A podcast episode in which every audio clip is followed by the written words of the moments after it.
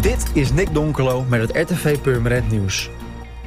505 bedrijven in Purmerend hebben gebruik gemaakt van de coronanoodsteun van de overheid.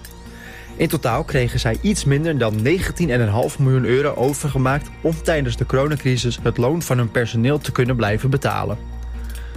Het UWV heeft een lijst openbaar gemaakt met alle bedrijven die gebruik hebben gemaakt van de NOW-regeling die gold van maart tot en met mei. Op de lijst staat welk bedrag elk bedrijf heeft ontvangen. Absolute koploper in Purmerend is vervoerder EBS, die iets meer dan 3,1 miljoen euro kreeg toegekend. Onderaan de lijst staat parfumloods.nl aan de IJsendijkstraat, die met 219 euro aan steun moest doen. Bewoners van Wils en de Bloemenbuurt die uitzicht hebben op de Kanaaldijk... zijn door middel van de bewonersbrief op de hoogte gesteld... van aanpassingen aan het groen tussen Melkweg en de Spoorbrug. Eerder is al vermeld dat de gemeente bezig is een plan te maken voor dit groengedeelte. Uit onderzoek blijkt dat één boom geen overlevingskans heeft en gekapt moet worden. Het kappen gebeurt uit veiligheidsoverwegingen. De boom heeft een vergevorderde afsterving in de kroon en holtes, houtscheuringen en rottingen. Omdat dit een noodmaatregel is, wordt voor het kappen van de boom een melding gedaan via een noodkap via de omgevingsvergunning.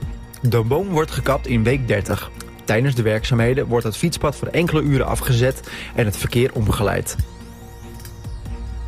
In de Markthal vindt op 27 juli een bijzonder concert plaats. Live for Lucie. Een benefietconcert dat een bijdrage wil leveren aan de enorm hoge behandelingskosten voor baby Lucie, van bijna drie maanden oud.